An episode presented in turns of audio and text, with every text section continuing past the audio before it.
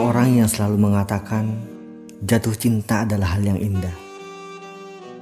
Dan ketika aku mendapatkan kesempatan itu, yang kurasa tak lain adalah indahnya duniaku. Nasihat orang lain pun kuabaikan. Tak kupedulikan nasihat tentang pahitnya cinta. Karena diriku yang rapuh baru saja menikmati indahnya jatuh cinta.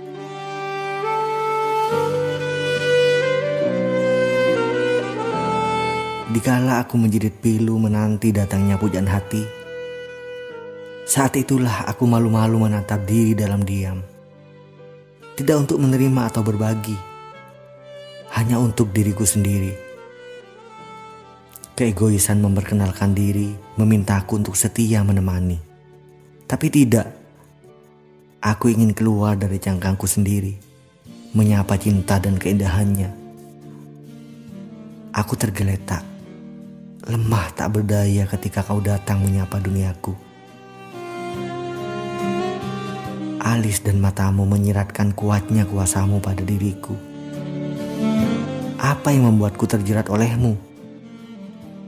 Pesona dari tubuh manusiamu?